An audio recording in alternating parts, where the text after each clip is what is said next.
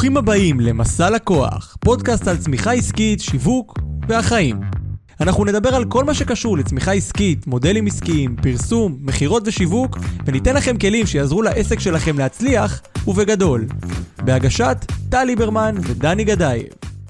אהלן, ברוכים הבאים לפרק נוסף בפודקאסט שלנו. היום אני אהיה לבד, אה, לצערי טל בבידוד, אז אה, אמרתי יאללה, אנחנו לא נוותר על, ה- על היום הזה ועל ההקלטה הזאת, ואני אה, אעשה פרק לבד. אז בפרק הזה אני רוצה לדבר איתכם אה, על מכירות. בסוף, בסופו של דבר, אחד הדברים הכי חשובים, לדעתי, שרוב בעלי עסקים אה, לא מייחסים לתופעה הזאת או לדבר הזה מספיק אנרגיה, מאמץ, אה, למידה ובעצם התנסות, זה עולם המכירות. אה, רוב אה, נותני השירותים שאני מכיר בכל אופן, אה, עסוקים כל הזמן בלהיות יותר מקצועיים.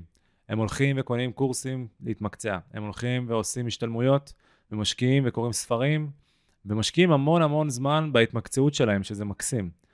אבל זה לא הדבר שבסופו של יום מכניס לנו כסף לעובר ושב. הדבר היחיד שמכניס לנו כסף לעובר ושב זה שיווק ובסוף גם מכירה, אוקיי? אם בן אדם נהיה אומן במכירות, ואני רואה את זה המון על הלקוחות שלנו, הוא פשוט הופך אה, אה, ממחזור של X למחזור של X כפול 2, אוקיי? להכפיל לעצמו את המחזור, את המחזור הכספי, הפיננסי, אה, בתזרים החודשי. למה זה קורה? זה קורה מכמה רבדים. קודם כל, מטבע הדברים, אחוז ההמרה משתפר, אוקיי? אם uh, היום בתעשייה שלנו, של נותני השירותים, אנחנו יודעים להגיד שהיחס הסגירה הממוצע, uh, הטוב יחסית, הוא משהו כמו 1 ל-10, אז ברגע שעוברים תהליך של מכירות, אז אפשר להוריד, uh, בעצם לשפר את יחס ההמרה ולהפוך אותו ל-1 ל-9, ואז 1 ל-8, ואז 1 ל-7 וכך הלאה. יש גם כמובן את הסיילסמנים הגרועים, שיכולים למכור גם ב-1 ל-15, 1 ל-20, שוב, סטטיסטית ובממוצע. אנחנו רוצים להשתפר. ברגע שאנחנו מבינים שכל uh, שיפור ביחס ההמרה מגדיל לנו את העובר ושב, ההתמקדות בעולם המכירות נהפכת להיות אובססיה שאני באופן אישי מאוד, uh, מאוד מעריך. אז זו נקודה ראשונה. נקודה שנייה שהרבה בעלי עסקים שוכחים, זה שבסוף כל בעל עסק הוא איש מכירות. דהיינו, לא כל איש מכירות הוא בעל עסק, אבל כל בעל עסק הוא איש מכירות. וברגע שאנחנו אה, אה, נטמיע את ההבנה בעומק שלה, בשורש שלה, שזה הדבר שהכי חשוב להתעסק בו, כי זה הדבר שאנחנו חייבים באמת לשלוט, בניגוד לנניח שיווק, שאפשר להוציא את זה ל outsource, ולעוד דברים, גם מכירות, אבל מכירה הוא משהו שהוא מאוד קוהרנטי, משהו שהוא בסיסי שאנחנו חייבים לשלוט ולהיות אומנים בזה בתור בעלי עסקים, ואי אפשר לברוח מזה, במיוחד בעולם הנתינת שירותים. אי אפשר פשוט לברוח מזה. אם אנחנו נניח מוכרים מוצרים, אז אוקיי, אז לא חייב להיות סיילסמן טוב, כי המוצר לפעמים מוכר את עצמו. אתם מוכרים פלאפון של אייפון, אז גם אם אתם אה, לא יודעים לדבר הכי טוב, האייפון מוכר את עצמו. אבל כשאתם מעניקים שירותים, אתם חייבים לדעת למכור. אז מה שאנחנו נעשה בפרק היום, אנחנו בעצם נדבר על כמה עקרונות שאתם יכולים אה, לסגל לעצמכם בכדי לדעת לסגור יותר עסקאות, בשביל למכור יותר ולהרוויח יותר כסף. את העקרונות האלה אני למדתי והשקעתי המון זמן, המון כסף, והמון התנסות עם נותני שירותים שליוו אותי במרוצת השנים. למדתי מהאנשים לדעתי הכי טובים בארץ, אבל לא פחות, יותר, לא פחות חשוב מזה, סליחה, אה, מהמומחים בעולם. אני מתמיד בזה וקורא ספרים והולך להשתלמויות, כי זה בסופו של דבר ההבנה מבחינתי של אה, הגדלה של אה, מחזור המכירות החודשי. אגב, לא אמרתי עוד משהו, שהסיבה השנייה ש... המחזור המכירות, מחזור הפיננסי, סליחה, מכפיל את עצמו, זה ברגע שבן אדם יודע למכור, הוא יודע גם להעלות מחירים. כי הוא מבין את הפסיכולוגיה ואת השיטות שניתן באמצעותם להגדיל את אחוזי הסגירה, אז גם להעלות את המחיר זה לא בעייתי. עכשיו תדמיינו לעצמכם שאתם מוכרים תהליך כלשהו שעולה 2,000 שקלים, ואז אתם, ויחס הסגירה לצורך העניין זה 1 ל-10. אז גם אם יחס הסגירה שלכם משתפר והוא נהיה 1 ל-5, עדיין אתם מוכרים משהו שעולה 2,000 שקל, 2,500. אז מה שאפשר לעשות זה בעצם להכפיל את המחיר. איך מכפילים את המחיר? מן הסתם שיש פה עוד כמה רבדים, אבל הרובד העיקרי בסופו של דבר זה לדעת להנגיש את המידע הזה ולדעת איך למכור אותו. ברגע שאני יודע איך למכור משהו ואני יודע מה המניעים הפסיכולוגיים שמשפיעים על בן אדם, אז אני יכול גם לגזור משמעויות אחורה ובעצם לבנות את כל השירות שלי אה, אה, החדש, כן, שאני צריך לתמחר אותו מחדש, בעצם בצורה יוצאת דופן. אגב, לפעמים גם אפשר למכור משהו פי שתיים במחיר בלי לעשות שום דבר, בלי לשנות כלום. רק על ידי הבנה של מה, איך הפסיכולוגיה של אה, עולם מכירות עובדת, ובסוף איך אפשר לסגור, לסגור עסקאות. עכשיו, אני רוצה שתיקחו שנייה ותחשבו על השאלה הבאה. ממש, תנסו uh, לענות לעצמכם בלב. מה, מה זה איש מכירות? כלומר, מה התפקיד של איש מכירות, אוקיי? כלומר, מה התפקיד הזה של אני כב, כבעל עסק, או אתם כבעלי עסקים, אה, או מה, מה בעצם ה, ה, הרעיון הזה שאומר, אני גם צריך לדעת למכור, או אני איש מכירות? מה התפקיד הזה אומר? רוב האנשים יגידו שהתפקיד של אנשי המכירות זה לסגור עסקאות, זה לשכנע, זה אה, להגיד את הדבר הנכון בזמן הנכון, אה, וזה להיות אה, מאוד, לעשות מניפולציות, ולהיות אסרטיביים, והמון המון דברים שהם, לעניות דעתי, הבסיס שלהם הוא הגיוני, זה באמת הגיוני, אבל הוא שגוי, הוא לא נכון.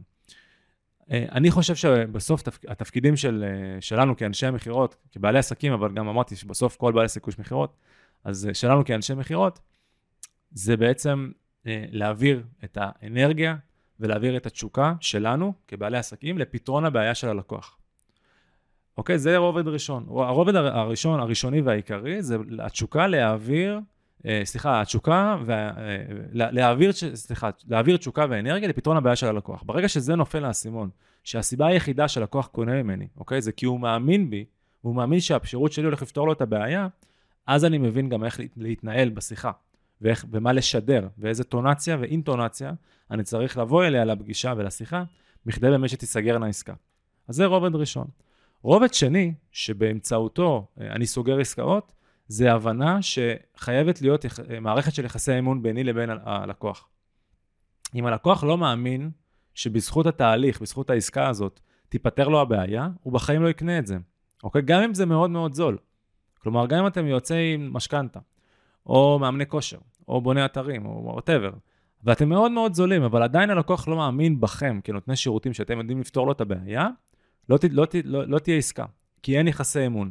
וגם אם אתם, אגב, יותר יקרים פי ארבע מהמתחרים שלכם, אבל הלקוח מאמין שברגע שהוא יעבוד איתכם, הוא יפתור לעצמו את הבעיה, ולכן הוא מוכן גם לשלם על זה, תיסגר עסקה, כי הוא מאמין, אוקיי? אז יש פה שתי רבדים. קודם כל, אני כנותן שירות, כבעל עסק, כאיש מכירות, אני חייב להעביר את התשוקה ואת האנרגיה, ושירגישו את זה שיש לי uh, passion, אוקיי, לפתור את הבעיה של הלקוח, הוא חייב באמת להרגיש את זה ממני, ומהצד השני חייבת להיות הבנה שיש פה מערכת של יחסי אמון, ורק ברגע שיש יחסי אמון ביני לבינו, תיסגרנה העסקה.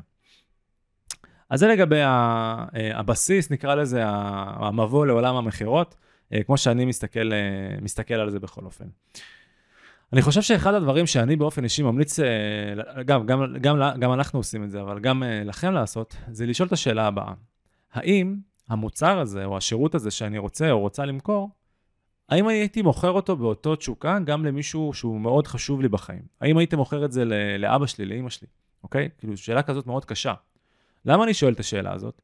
כי אם אני לא מרגיש בנוח למכור את השירות שלי למישהו שהוא מאוד מאוד חשוב לי בחיים, ולמכור בכסף, שיקנה את זה בכסף, שלא לא לתת את זה כמתנה, שמישהו שהוא משקיע את, את הכסף שאני מבקש. אם אני לא מרגיש עם זה בנוח, אז גם בשיחת המכירה, הלקוח לא יקנה את זה ממני, כי אני לא מרגיש עם זה בנוח. אחת הסיבות העיקריות שהרבה צוותי מכירות לא מצליחים אה, לקדם את עצמם, זה כי הם בעצמם, הצוות לא מאמין בתוצאה, לא מאמין בשירות. ואז כשאין אמונה שה, שהשירות הזה או התהליך הזה פותר, פותר את הבעיה, אז הלקוח גם, הוא לא מאמין בפתרון, אין את האנרגיה, אין את ההתלהבות לפתרון הבעיה. יש סקפטיות, אני כאיש מכירות, אם אני סקפטי לגבי מה שאני עושה, לא, לא תהיה עסקה בחיים. ולכן אנחנו חייבים לה, להאמין במוצר שאנחנו, במה שאנחנו עושים, ויותר מכך, גם אה, באיזשהו מובן פסיכולוגי, להאמין גם שאני יכול למכור את זה בכסף למישהו שהוא מאוד מאוד חשוב לי, ושיקנה את זה, ורק אז, כאשר אני ניגש למכירה הזאת, באמת יכולה, אחוז המכירה שלי משתפר. אז זה לגבי uh, החש... חשיבות האמונה העצמית במה שאני עושה, או אם אני איש מכירות, אז במה שה... שאני מוכר בעצם עושה, אוקיי? זה לגבי זה. עכשיו, יש לי עוד שאלה שאני אשמח שתשאלו את עצמכם. הייתי שמח שתשאלו את עצמכם את השאלה הבאה. למה לקוחות לא קונים מכם?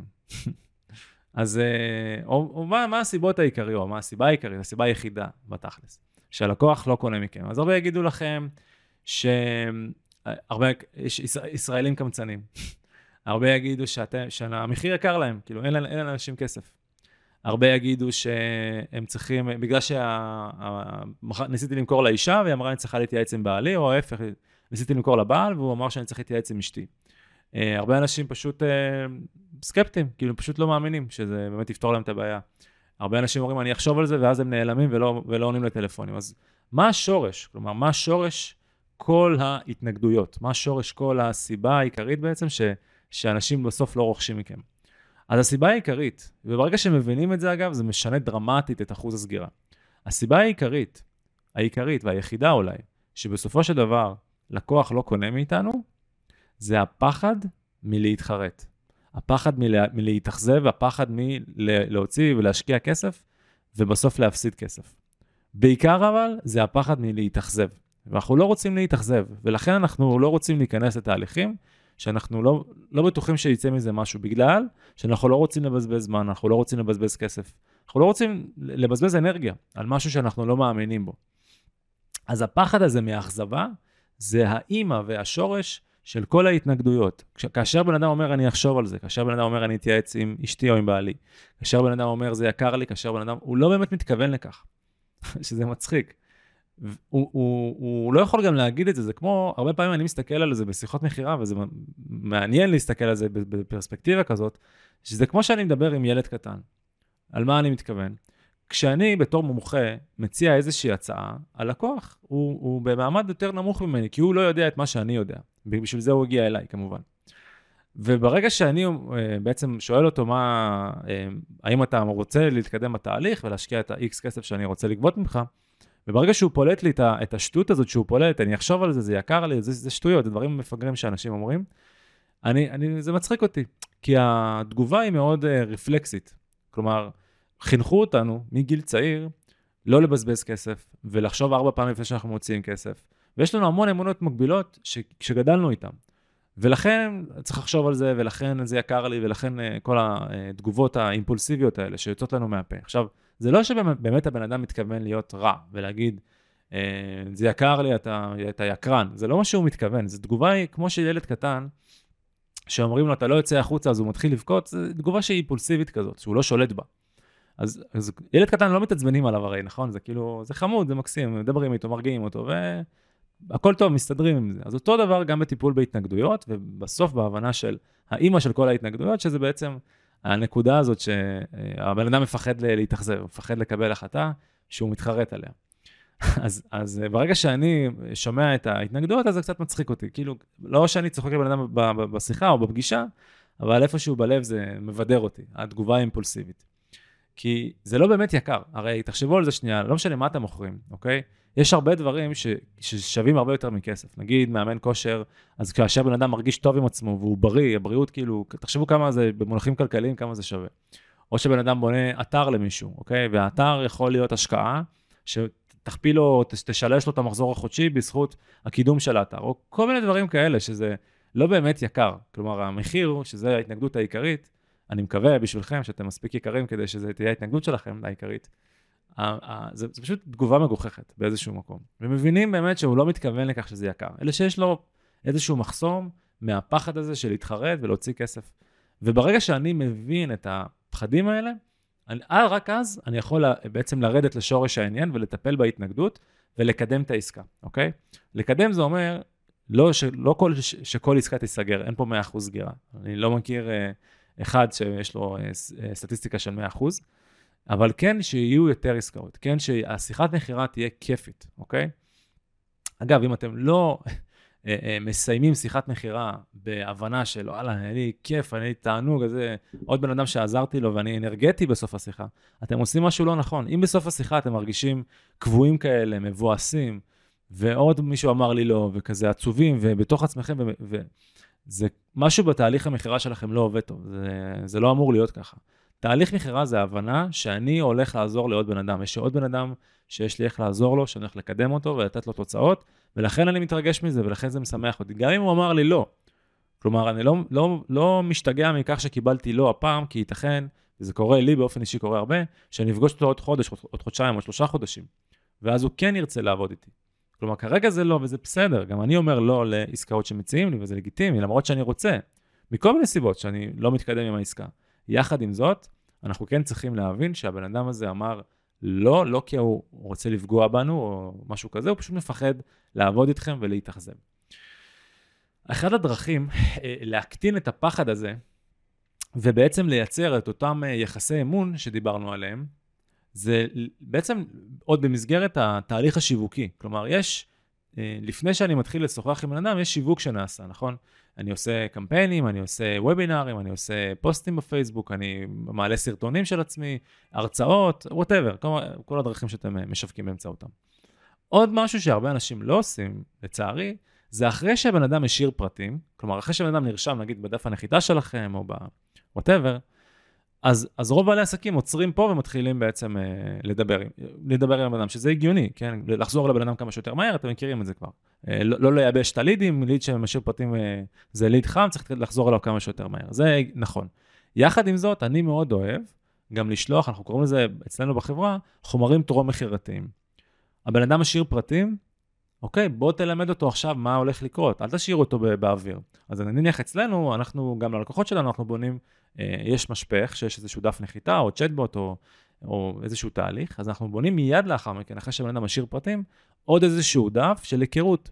סרטון, ברוכים הבאים, שמי ככה וככה, זה מה שאנחנו הולכים לעשות יחד איתכם, התוצאות שלי, הניסיון שלי, תודה שנרשמתם, אנחנו, אני או אחד מאנשי הצוות שלי הולך ליצור איתכם קשר. בינתיים, תסתכלו על מה אנחנו עושים. ובדף הזה אנחנו מראים את התהליך, איך התהליך נראה. אנחנו מראים, ממליצים, מה אנשים אומרים עלינו, הלקוחות מרוצים. אנחנו מראים את הניסיון, את ההתנסות, את הבידול, מה אנחנו שונים מהמתחרים שלנו. ואז, כאשר אני מגיע לשיחת המכירה, אגב, זה רק דוגמה, אני שולח גם PDFים, אני שולח וובינארים שהעברתי בעבר מוקלטים. אני שולח המון המון חומרים טרום מכירתיים כדי לייצר את היחסי אמון, כדי שבן אדם ידע, א', שאני מקצוען, שאני יודע מה אני עושה, זה א', ב', שלא התחלתי אתמול ואני לא מתגלח עליו, שיש לי ניסיון ויש לי תוצאות ויש לי לקוחות מרוצים, ושיבין רגע שהוא מתעסק ב, עם, עם, עם מישהו שבאמת יודע לפתור את הבעיה. כי זה מייצר יחסי אמון, הוא מאמין בי, וברגע שהוא מאמין בי, ואני מאמין בו כמובן, יש עסקה, אפשר לסגור את העסקה. ולכן אני, אני מאוד נלחם על חומרים טרום-מכירתיים, ואני מאוד מתעקש על זה גם עם צוות המכירות שלנו, שישלחו דברים. שבאוטומציה, אגב, אנחנו הכי טובים בזה בלייצר תהליכים אוטומטיים, כי אז אין מצב שמתפספס משהו, כי זה קורה, קורה בצורה אוטומטית ואני לא שוכח כלום. אמ, בקיצור, כל הדברים האלה בעצם מקדמים את תהליכי המכירה. אז זה בעצם איזשהו, נקרא לזה באמת אה, מבוא אה, חשוב מאוד לעולם המכירות. אני רוצה קצת להיכנס לתוך, אה, לתוך קצת דברים שהם שהם פנימה בתוך שיחת המכירה. אני מדבר על השיחה הראשונית. הבן אדם השאיר פרטים, שלחתם לו חומרים טרום-מכירתיים, כן? דפי נחיתה, וובינארים, PDF ים, מדריכים חינמי, whatever, כל הדברים האלה ששולחים. תעשו את זה, זה מאוד מאוד חשוב. אם אתם צריכים, אגב, לשאול קצת שאלות, אתם מוזמנים לדבר איתי, אני אעזור לכם, אה, להבין מה, מה עובד הכי טוב ומה יעבוד עבורכם הכי טוב. אה, אבל יש עוד משהו שנורא נורא חשוב. אם תשאלו בן אדם, אה, איש, יודעת, אנשים שהם בעצם אה, מתעסקים במכירות, מה, מה המטרה של, של שיחת המכירה? רוב האנשים יגידו לכם שהמטרה מבחינתם זה לסגור את העסקה.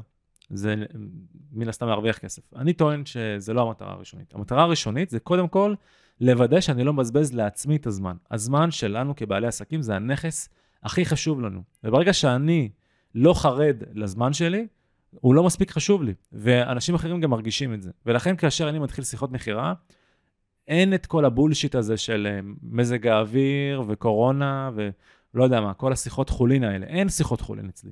מתחילים שיחה, היי, מה שלומך? הכל בסדר? יופי. הוא שואל אותי מה שלומי, אם הוא רוצה, מצוין. אה, נתחיל? כן, אני מתחיל איתו מיד, אוקיי? ומתחיל, ובעצם השלב הראשון, כשאני מתחיל את שיחת המכירה, אני, אני מכתיב את הטון, ואני אומר לו מה אנחנו הולכים לעשות בשיחת המכירה. ואם הבן אדם מפריע לי, אני קולט שהוא לא איתי במוד, והוא לא נותן לי להוביל, אני מבין שזה מישהו שאני לא רוצה לעבוד איתו מראש, ואני מנתק את השיחה אחרי שתי דקות. אני אומר לו, תשמע, אני מתנצל, אני מבין מה, מהאינטראקציה הראשונית, שאתה מחפש משהו שאני לא יכול לספק לך, בסוף אנחנו צריכים לייצר לך תוצאות, אתה מחפש פה איזשהו אה, קיצור דרך, ולכן אתה פחות מתאים לי להתראות. מסיים את השיחה, לא אכפת לי שהוא נעלב ממני, לא אכפת לי שהשארתי לו רושם שלילי, זה לא מעניין. הדבר היחיד שמעניין אותי זה לא לשרוף עכשיו 20 דקות על בן אדם שגם ככה לא יתקדם איתי, וזה סתם מישהו שאני לא רוצה לעבוד איתו אפילו.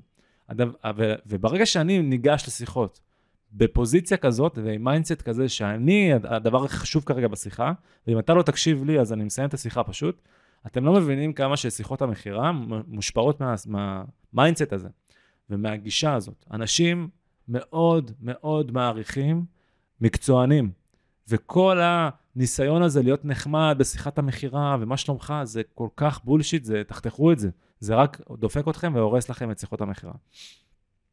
אז אני, אני מכתיב את אותו, אני אומר לו, תשמע, מה שאנחנו נעשה בשיחה, השיחה תהיה מחולקת לשני חלקים. חלק ראשון, אני בעצם הולך לשאול אותך מספר שאלות כדי להבין מה הסיטואציה מבחינתך, מה אתה צריך, ואני אתן לך ייעוץ כדי שתשפר את המצב שלך כאן ועכשיו. החלק השני של השיחה, בהנחה ואני רואה שיש לי, או לנו כחברה, לעזור, איך לעזור לך, אז אני אספר לך על התהליכים שלנו, אה, על השירות שלנו, כמה זמן זה לוקח, כמה, כמה זה עולה, ואת כל המידע הרלוונטי בכדי אה, לעבוד ביחד. יחד עם זאת, חשוב לי שתדע שהמטרה של השיחה היא שיחת היכרות, ואני לא רוצה לסגור איתך שום דבר בטלפון. אם נרצה לעבוד ביחד, אנחנו נתאם פגישה, ורק בסוף הפגישה אנחנו נחליט אם אנחנו עובדים ביחד כן או לא. זה מתאים לך? כן, מעולה, מתקדם איתו. אם הוא אומר לי, לא מתאים, אני רוצה לשאול שאלות וללכת, אני אומר לו, בוא תשאל את השאלות, הוא שואל את השאלות, אני מסיים את השיחה ומשחרר אותו. כי אני יודע שזה מישהו שהוא לא רציני והוא בא לבזבז לי את הזמן.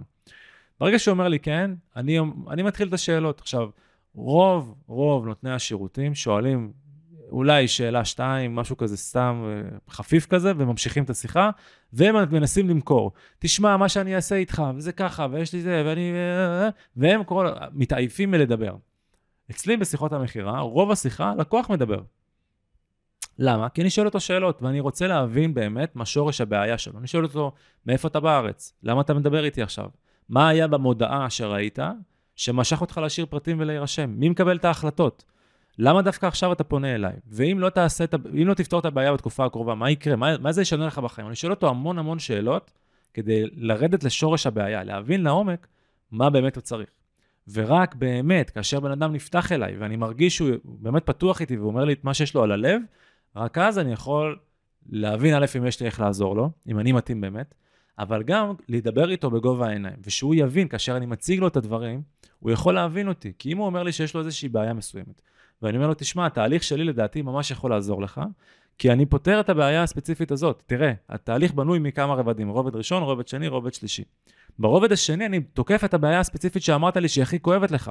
אז בהתחלה אנחנו עושים משהו כזה, אבל ברובד השני, כשמגיעים לשם, אז אתה תרגיש את השיפור, אתה תראה שאתה תראה את התוצאה ב-X זמן אה, ותוך uh, uh, X מאמץ.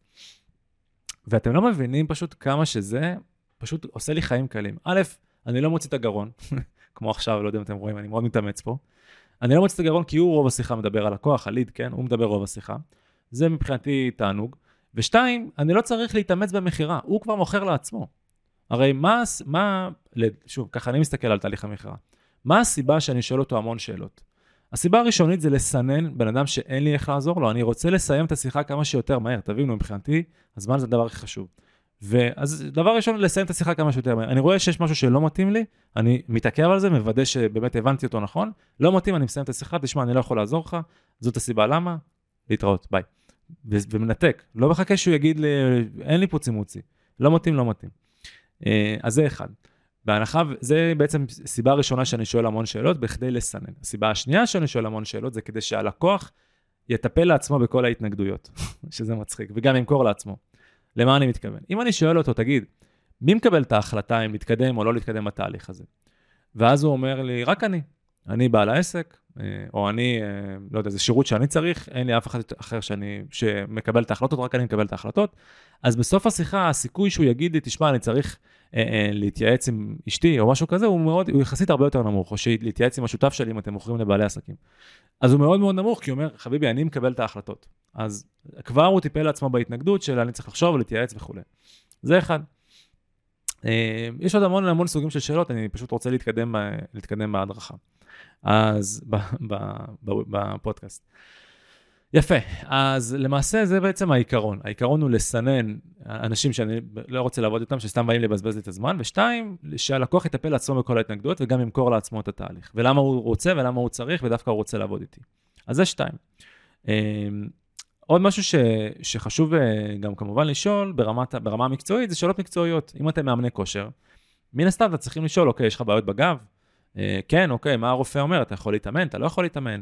אם אתם... אה, אני יודע מה, עורכי דין, ואתם אה, לא יכולים בגלל איזשהו משהו באתיקה לעבוד עם סוג מסוים של לקוחות, אז צריכים לשאול את השאלות המקצועיות האלה ולא לבזבז לעצמכם את הזמן, אבל גם להראות לו שאתם מאוד מקצוענים, שאתם יודעים מה אתם עושים. אז אה, זה בעצם הרעיון של, אה, של שיחות מכירה. אז אחרי שדיברנו קצת על תהליך מכירה, מה התפקידים של מכירות, uh, דיברנו על בעצם מה, מה החשיבות של שאלת שאלות ומה זה מבחינתי בכל אופן תהליך, איך תהליך מכירה איכותי נראה, אני רוצה שנדבר רגע על דברים קצת טכניים, אבל הטכניים האלה הם סופר סופר חשובים, כי הם מאפשרים אה, לי לאפשר לכם אה, בעצם ללמוד איך, איך להשיג יותר ממה שכבר יש לכם, מהלידים שכבר יש לכם. עכשיו, הקטע הזה שאני הולך לדבר עליו הוא יותר מתאים לאנשים שיש להם משהו כמו, נגיד, יותר מ-20 טלפונים שהם מקבלים בחודש. כלומר, אם אתם עובדים רק מפה לאוזן וכזה 2-3 לקוחות בחודש, אז זה פחות יעניין אתכם, כי אני הולך לדבר בעצם עכשיו על CRM, ואיך לטפל בכמויות של לידים, אה, דרך אוטומציות, דרך תוכנה שהיא בעצם מאפשרת את הטירוף הזה של אה, ניהול אה, עשרות או מאות טלפונים בחודש. אז קודם כל בואו נדבר על הדברים הבסיסיים. CRM זה מערכת ניהול, ניהול לקוחות, אוקיי? אני משתמש בזה לא רק לניהול המכירות, אלא גם בדברים שקשורים לאדמיניסטרציה וגבייה ועוד דברים שמבחינתי אני, אני, אני רוצה שזה יהיה שם תיעוד של כל מה שקורה. אמ, אז אני מתעד את רוב, רוב הפעילות העיקריות, הדברים העיקריים שם, כדי שיהיה לי זיכרון ארגוני, גם כשאם אני עכשיו בחופש ומישהו אחר צריך להחליף אותי, אז כל הזיכרון הארגוני נשמר, אוקיי? זה אחד הדברים העיקריים. אבל בואו נדבר על מכירות. בסופו של דבר, כשיש לכם, נגיד אפילו 10 לידים בחודש, ואחד אמר לכם, תקשיב, תחזור אליי בעוד אה, שבוע, והשני אמר, אני רוצה לחשוב על זה, אה, תן לי עוד יומיים להתלבט ודבר איתי ביום שני בבוקר, וזה מתחיל להסתבך, אוקיי? ופולו-אפים, וזה מתחיל להסתבך. וזאת הסיבה למה אני חושב שמאוד מאוד מומלץ לכם לעבוד עם אה, מערכות אה, CRM, כל אחד עם מה שנוח לו, יש לי אגב גם הדרכה על, על בניית CRM, אני מוזמן, אני, אני יכול לשלוח לכם את ההדרכה, זו הדרכה מוקלטת של וובינר שהעברנו, תגידו לי ו- ואני אשלח, אולי אני אשים לכם אפילו לינק, אם אני אזכור. אז, אה, אז אני יכול לשלוח לכם בעצם את זה שתבינו גם איך זה נראה בעיניים, ולא רק אה, בוויס. על כל פנים, אז אה, אני חושב שהדבר שלי מאוד חשוב ב-CRM, זה שהוא מאפשר לי לא לשכוח לעשות פולו-אפים. כלומר, הצוות מכירות, וגם אני כמובן, יודעים אה, לזכור את הכל, כי מן הסתם אנחנו מתעסקים עם מאות לידים אה, בחודש. גם בשביל עצמנו, וכמובן אלפים ללקוחות שלנו, אז, אז כל התעסקות כזאת, אי אפשר, זה לא אנושי לזכור כל כך הרבה דברים.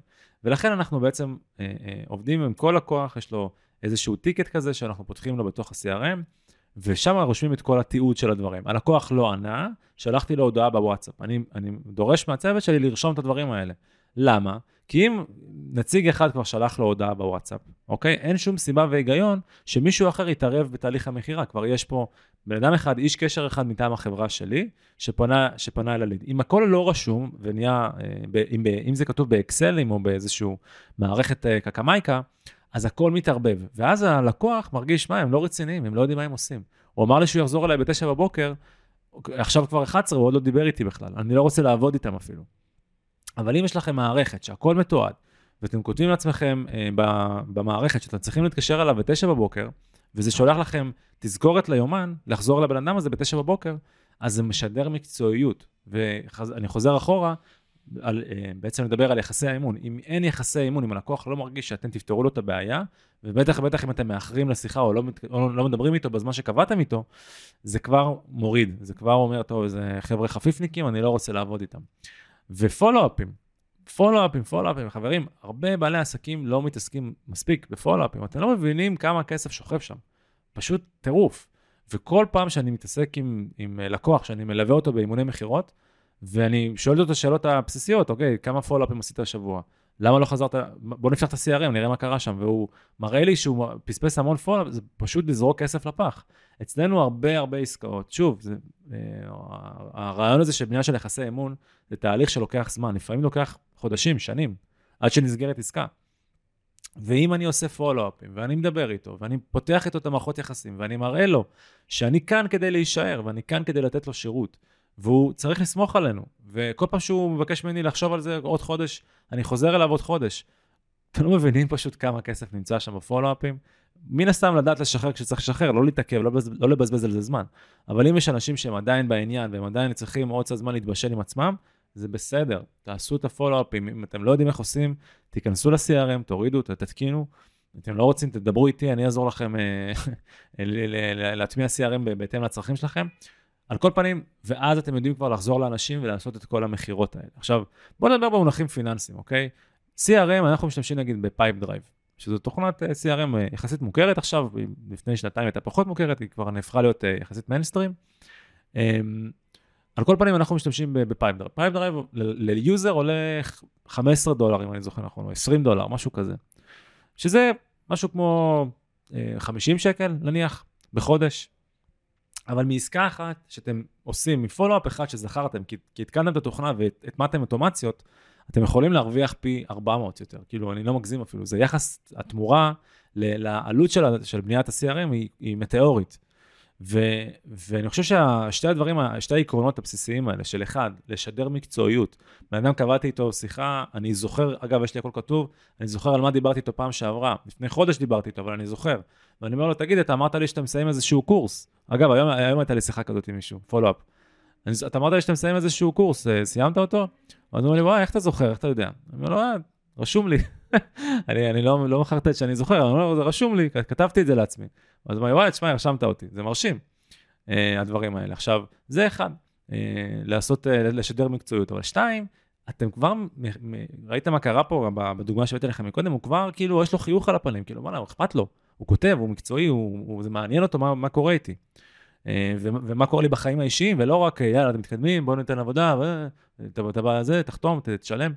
אלא, אלא יש פה באמת איזשהו יחסי אמון שנבנים, וזה, וזה נורא נורא חשוב. עכשיו, תחשבו רגע, אני לא יודע כמה מכם משתמשים באקסלים, אבל כמה זמן וכסף ואנרגיה אתם משקיעים בטבלה שהיא קקמייקה כזאת, שאתם בטוח גם מפספסים המון המון שיחות ותזכורות, והלידים שלכם לא, אה, לא מטופלים כמו שצריך.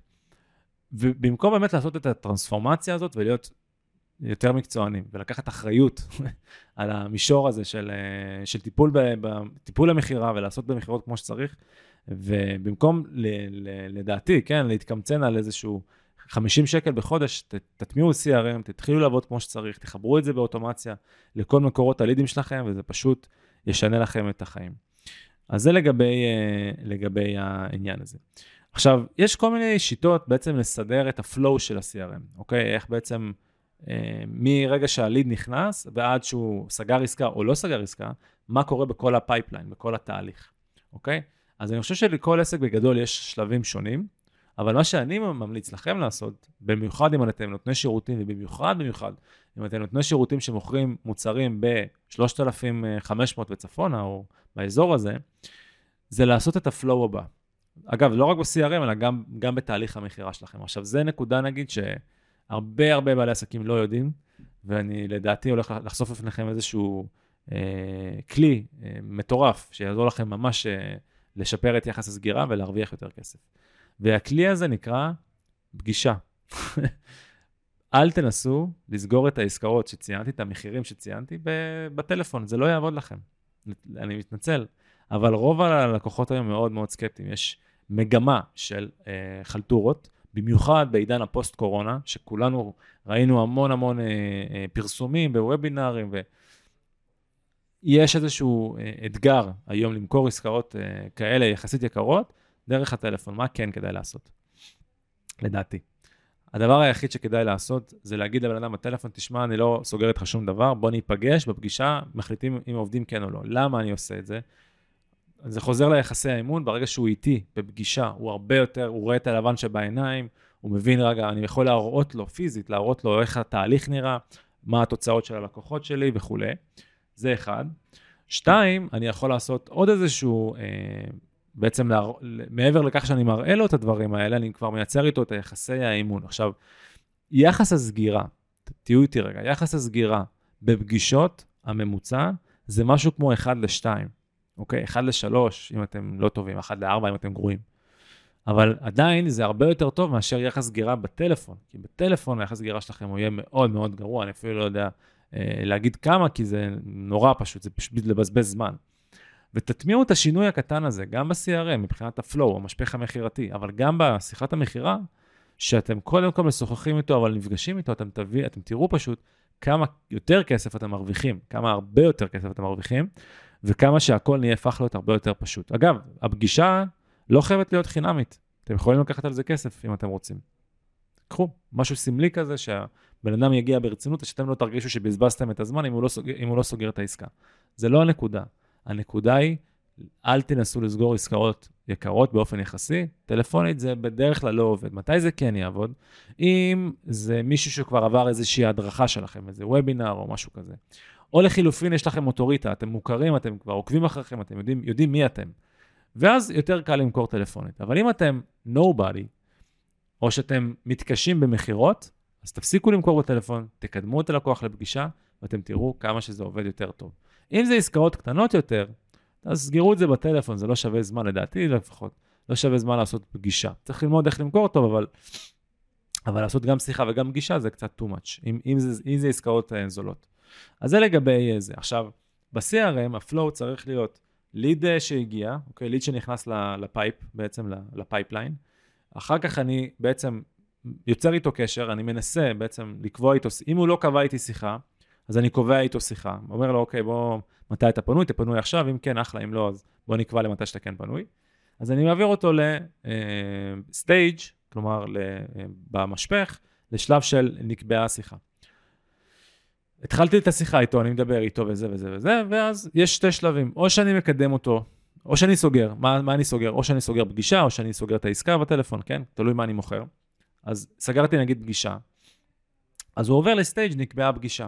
אם הוא אומר לי, תקשיב, אני רוצה לבדוק משהו, תשלח לי חומרים, כל מיני דברים כאלה, קורה. אז יש שלב באמצע שנקרא follow-up אחרי שיחה. כלומר, עדיין לא קבע איתי פגישה בגלל איזשהו עניין, לא משנה מה העניין, אז הוא עדיין איפשהו ביניים. אוקיי, אני בפגישה איתו. האם הוא, אם הוא סגר את העסקה, מעולה, אני משחרר אותו, מה, אני שם אותו בטבלה של הלקוחות, אה, לא, לא בתוך ה-pipeline של המכירות. זה נורא נורא חשוב שיהיה הפרדה בין לקוחות ו... אה, יש, יש פה בעצם שלושה דברים שחשוב להפריד ביניהם, זה טוב שנזכרתי. יש את ה-pipe של הלקוחות, של הלידים, סליחה, שהם פוטנציאלית, אוקיי? כלומר, הם עדיין במשפך המכירתי. אחר כך יש או לקוחות, אנשים שהפכו להיות לקוחות שלי, או, שזה הרוב כמובן, אנשים שלא נסגרתי, לא נסגרה איתם עסקה, אוקיי?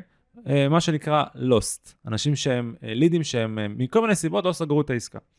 אז זה שלושת הדברים, או שהוא עדיין בתהליך המכירה, או שהוא lost, או שהוא one, אוקיי? או שסגרתי את העסקה איתו או שלא. אז כל מי שלקוח, אני מעביר אותו ללקוח. כל מי שלא, אז אני מעביר אותו לטבלה, למערכת, ל-pipe השני של lost ים, אוקיי? כי אני רוצה להיות מול הלידים. אם אני איש מכירות, לא משנה אגב אם העסק שלי, לא שלי, אם אני כרגע בכובע של איש המכירות, אז אני רוצה שכל הלידים הרלוונטיים שכרגע הם בתוך ה-pipe, הם יהיו מולי, ואני צריך לתפעל אותם, אה, להבין מה, מה כל אחד צריך ש, שנעשה איתו. וזו נקודה נורא נורא חשובה. ברגע שיש לי סדר פעולות כזה מאוד רובוטי, המשפך שלי, השיחות שלי הן הרבה יותר איכותיות, אני יודע בדיוק מה אני צריך לעשות, ואני יודע גם טכנית איך לנהל את זה, ולא ללכת לאיבוד, אבל גם אני משדר לבן אדם שאני יודע מה אני עושה, איך התהליך נראה. וברגע שבן אדם קולט שאני יודע מה אני עושה, ואני לא מחרטט אותו תוך כדי השיחה וממציא דברים, ויש לי תסריט שאני עובד איתו והכל בצורה מסודרת, גם אם זה, קולטים את זה קצת, שזה מתוסרט, זה בסדר, כי זה הרבה יותר מקצועי מ... אה, אה, מה, אה, אז אה, רגע, תן לי להיזכר מה רציתי לשאול. אה, זה לא, זה לא, כאילו, זה לא, זה מצד אחד צריך להיות שיחה שהיא אותנטית, לא עכשיו להיות תוכי ולהקריא, אבל גם אם אתם טיפה תוכים, זה עדיין עדיף מאשר, אה, אני, אה, תן לי רגע להיזכר מה רציתי להגיד לך, זה מעפן. זה לא מקצועי, זה לא משדר מקצועיות. אז זה לגבי, אה, לגבי זה. עוד נקודה נורא חשובה ב-CRM, תראו, אני באופן אישי מאוד אנליטי, בסדר, עם של מספרים. אה, ולי נורא חשוב סטטיסטיקות. בכל, כמעט כל דבר שאני עושה, להבין מה הסטטיסטיקה. ויש הרבה לקוחות שלא נסגרת איתם עסקה. נגיד אצלנו היחס סגירה בחברה, אני אשתף אתכם, הוא משהו כמו 1 ל-6. אחד מכל שישה לידים, אני סוגר את העסקה איתו. מתהליכים שאנחנו עושים גם בשיווק, וזה לא רק אני, זה השירות טוב, הרבה דברים. אבל זו הסטטיסטיקה 1 ל-6. עכשיו, ברגע שאני יודע, אני בעצם שואל את השאלה הבאה, למה השש האלה, החמש בעצם, לא סגרו את העסקה? מה הסיבות העיקריות שבגללם הרבה עסקאות לא נסגרות? האם זה קשור למחיר? האם זה קשור לשירות? האם זה קשור אה, למשהו בתהליך המכירה? האם זה לקוחות שאני לא רוצה לעבוד איתם? כלומר, השיווק מביא לי לידים לא איכותיים מספיק? מה הסיבה בעצם שבגללה אה, הלידים לא נסגרים? למה אני מבזבז זמן במכירות? זה מה שמעניין אותי.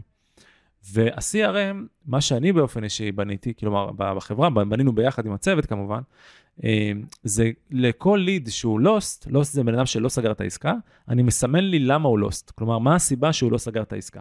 ואז בדשבורד יש לי איזשהו אה, אה, מקום כזה שאני רואה אה, את כל הסיבות, כמה כסף עשיתי החודש, מה הסיבות שהלקוחות לא סגרו, כל מיני נתונים שם שאני מקבל. אז אחד הנתונים העיקריים זה באמת זה, זה להסתכל על מה הסיבות העיקריות שעסקאות לא נסגרו החודש. כי חודש שעבר יכול להיות שהיה משהו אחר, יכול להיות שעשיתי איזשהו שינוי בשיווק, לא יודע, משהו קרה. אז אנחנו נכנסים לשם ומסתכלים מה הסיבות העיקריות, ואז יש לי נתונים, יש לי דאטה שהיא מטורפת, זה, זה מכרה זהב, יש שם זהב פשוט של ידע, של מידע, שאני יכול להשתמש בו, ואז לשפר את כולם. אני יכול לשפר את הצוות מכירות, את עצמי, יכול להיות שאצלי יש איזושהי בעיה שלו, משהו בפגישות לא טוב. כי אם אני רואה בסטטיסטיקה שבמשפך של המכירה, מפגישה לסגירה, יש, היחס סגירה, אה, משהו שם נהרס, אז יכול להיות שאני, או, שה, או לפני זה, נציגים שלי לא עשו עבודה טובה. לא משנה, אני יכול אבל להבין ולהצביע על הנקודה רק כאשר יש לי סטטיסטיקה. איך יכולה להיות לכם סטטיסטיקה אם אתם עובדים עם אקסלים? זה פשוט לא יעבוד, זה, זה, יהיה, זה יהיה מעפן. אז אני חושב שככה, אה, אחד הדברים, אחד העקרונות שאנחנו צריכים להבין זה שקודם כל אנחנו צריכים להיות מאוד מאוד טובים במכירות. ואיש מכירות טוב, זה איש מכירות שיודע בצורה אנרגטית להעביר את התשוקה שלו לפתרון הבעיה של הלקוח, ולגרום ללקוח להאמין בנו בתהליך הזה. אז זה דבר ראשון. דבר שני, יש פה היבטים טכניים, אוקיי? CRM זה הדוגמה אולי הכי טובה, שבסופו של דבר אי אפשר כבעל עסק, או איש מכירות, או בכובע שלי של מכירות אה, שאני שם כבעל עסק, להשתלט על כמות כזאת של אה, טיפול בלידים, מבלי לנהל את זה באיזושהי טכנולוגיה, באיזושהי מערכת של אה, מידע. אז זה לגבי, לגבי הנקודה הזאת. עכשיו, הדבר האחרון שאני רוצה לדבר עליו, זה בעצם טיפול בהתנגדויות.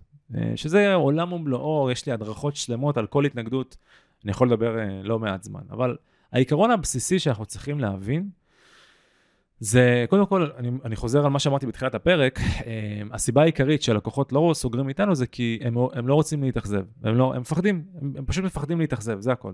הם לא רוצים לבזבז זמן, הם לא רוצים לבזבז כסף, הם לא רוצים לה, להסתכל אחורה בעוד חודש, חודשיים ולהגיד, וואלה, זאת הייתה החלטה לא נכונה, אני בזבזתי זמן וכולי. וזו הייתה טעות. הם לא רוצים להיות שם, ולכן הם לא סוגרים את העסקה. גם אם הם אה, רוצים את זה, הם לא סוגרים כי הם מפחדים.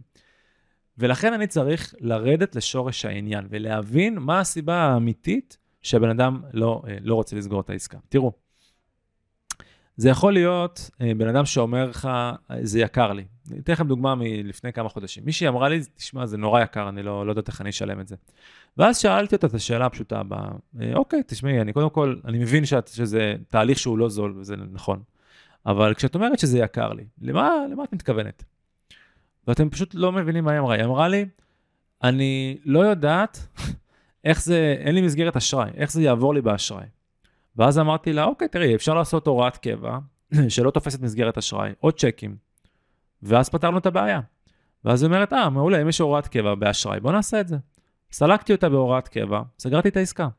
עכשיו, מה בן אדם אחר היה שומע? עוד אחת, יקר לי, מה זה יקר לי? זה זול, זה לא יקר, תראי את כל המתחרים שלי, מה את מדברת בכלל?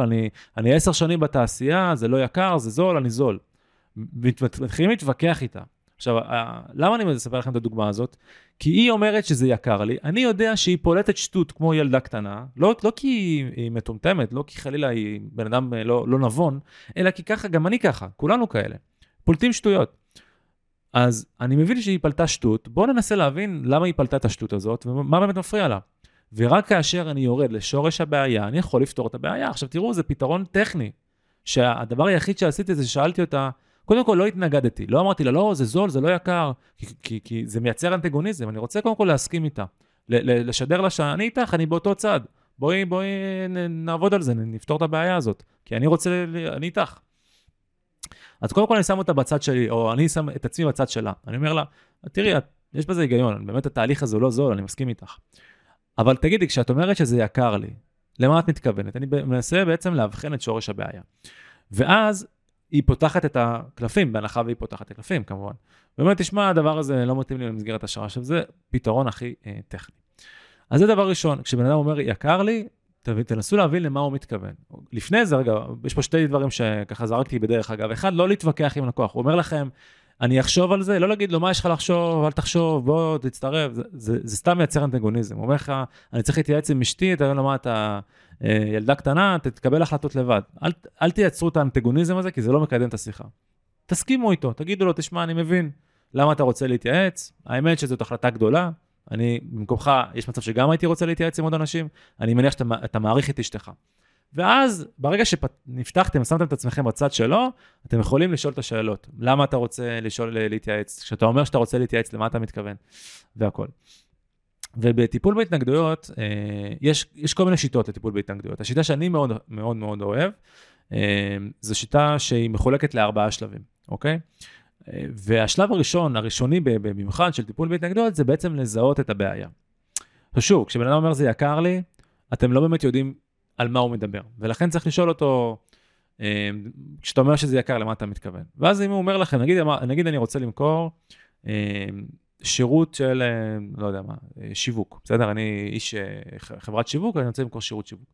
ואני אומר לו, תשמע, התהליך איתי עולה, לא יודע מה, 5,000 שקל בחודש, אה, ואתה מקבל 1, 2, 3, זה מייצר לך ככה וככה תוצאות, זה המחירים, זה התוצאות של, של שאר הלקוחות שלי, זה גם מה שאתה כנראה תקבל. ואז הוא אומר לי, לא, זה נורא נורא יקר. ואז אני אומר לו, תראה, זה באמת השקעה לא קטנה, זה תהליך לא זול, אבל כשאתה אומר שזה יקר, למה אתה מתכוון? ואז הוא יכול להגיד לכם, תשמעו, כשהייתי, אה, תשמע, כשהייתי עם אה, החברה הזאת, אז הם הציעו לי פחות או יותר את אותו דבר, רק במחיר כזה. או שאומר לך, פגשתי איזשהו פרילנס שאמר לי ב-1,500 שקל אה, שהוא עושה גם את זה וגם בונה לי אתר. או יש כאלה גם תשובות הזויות, בסדר. אז אני לא מתרגש, אז אני אומר לו, תגיד, ובהנחה ואני ואתה מצליחים להתגבר על הנושא של העלויות. כלומר, אם העלות הייתה מסתדרת מבחינתך, היית רוצה לעבוד איתי? למה אני שואל אותו את זה? כי אני רוצה לזהות האם באמת זאת הבעיה היחידה, אוקיי? ואז אם הוא אומר לי לא, הוא אומר לי, תשמע, לא, זה לא רק המחיר, גם עוד, עוד התנגדויות שהוא... זה, אז אני, אז אני בעצם מפרק ומנסה לבנות את ה... את ה... לטפל בהתנגדות הזאת. אבל אם הוא אומר לי, כן, זה רק המחיר, ואז, ואז אני בעצם מבין שיש פה בעיה עקרונית עם המחיר, אבל פה אני לא עוצר. שלב ראשון אמרנו זיהוי. שלב שני זה וידוא והעמקה, אוקיי? בעצם אני מוודא שמה שזיהיתי זאת, זאת הבעיה האמיתית, וגם מעמיק את, ה, את הכאב שלו, את ה... את העניין הזה שזה יקר לו, כלומר, מנסה להעמיק את הכאב הזה ולרדת לשורש העניין. אז אני שואל אותו, תגיד, מבחינת העבודה איתנו, אתה מרגיש שאנחנו יודעים לספק את הסחורה ולתת לך תוצאות? אתה כאילו ראית פשוט את הלקוחות המרוצים, ואתה יודע, יש לנו היום, ברוך השם, אה, הצלחות אה, אדירות, שאתה יכול גם לדבר כמובן עם לקוחות שלנו ולשאול אותם במקור ראשון, אבל אתה מרגיש את ה... באמת התוצאה שלנו, השירות שלנו נותן לך את התוצאות, ואז בדרך כלל אומרים לי כן, כי באמת הטרום מכירה שלי עובד, עובד טוב. אני אומר לו מעולה, אז אחלה. עכשיו מבחינת זמינות, יש לך זמן לעבוד איתי? כלומר, אתה יודע שזה תהליך ככה וככה, ואנחנו דורשים בתור התחלה פגישה ולעשות את הדאטה? כן, אין לי, אין לי בעיה עם זמנים. אוקיי, מעולה. אז זה רק המחיר? כן. ופה אני בעצם נכנס לסוגיה, לשלב השלישי בתהליך טיפול ההתנגדויות, שזה הטיפול. אני מטפל לו בהתנגדות ואני מסביר לו מה אתה, איך התהליך נראה, אוקיי? ו- ולמה בעצם ה- ה- המחיר שלנו הוא הרבה יותר יקר ממתחרים, ומה התוצאה שאנחנו יודעים לספק, ומה הייחודיות והבידול ובאמת התוצאות, ולמה זאת השקעה שהיא כדאית לו, ולא הוצאה, אלא השקעה. ואז אני אה, מגיע לשלב הרביעי, וזה שלב הסגירה, ופה אני סוגר את העסקה, או סוגר פגישה, תלוי מה אני רוצה לסגור, אוקיי? אז זה בעצם ארבעת השלבים, זיהוי, וידוא והעמקה, טיפול וסגירה. רוב נותני השירותים לצערי קופצים משלב 1 לשלב 4. כלומר, אה, אה, יאללה, מתקדמים, לא, זה יקר לי, ואז מתחילים לסגור, בוא, אני אעשה לך הנחה, בוא, אני... אה, זה לא יקר, מתחילים בעצם לטפל לו בהתנגדות, וחבל, אתם דופקים את עצמכם בגדול. א', אתם נותנים הנחות, זה סתם פוגע על עצמכם בתדמית שלכם, ואתם מרוויחים פחות כסף, אבל ב', אתם לא באמת יודעים מה הבעיה, ולא ניטרלתם את שאר ההתנגדויות, לא באמת זיהיתם את שורש, את שורש הבעיה. וזה לעניות דעתי אה, תהליך מכירה מאוד מאוד איכותי. אחד, להבין בעצם מה התפקיד שלי כבעל עסק שהוא גם איש מכירות, או איש מכירות שהוא בתוך אה, איזשהו עסק שאני מוכר דברים אצלו. שתיים, מה הכלים הטכניים, כן, CRM, אה, ובכלל ניהול, מערכת ניהול לידים ולקוחות. מה מה אני צריך לעשות, גם מבחינת המבנה של ה-CRM, אבל גם מבחינת השימוש בו, בכדי לא לפספס שום עסקה וכדי לסגור הרבה עסקאות. ושלוש, תהליך טיפול בהתנגדויות איכותי ו- וטוב, כדי באמת לסגור יותר עסקאות ולהגיע להבנה מקצועית, מקצועית, של אה, אני יכול לעזור ליותר לקוחות ואני יכול להגיע ליותר תוצאות ויותר אה, כסף. אז אה, זה היה הפרק להיום, אתם כמובן מוזמנים לשתף אותי בדעות שלכם לגבי הפרק, לשאול שאלות, לרשום לי דברים, לבקש ממני דברים, אני בשמחה אשלח לכם חומרים, דברים או אה, התייעצויות בכיף. אז שיהיה המשך אה, יום נעים ונשתמע בהמשך. יאללה ביי.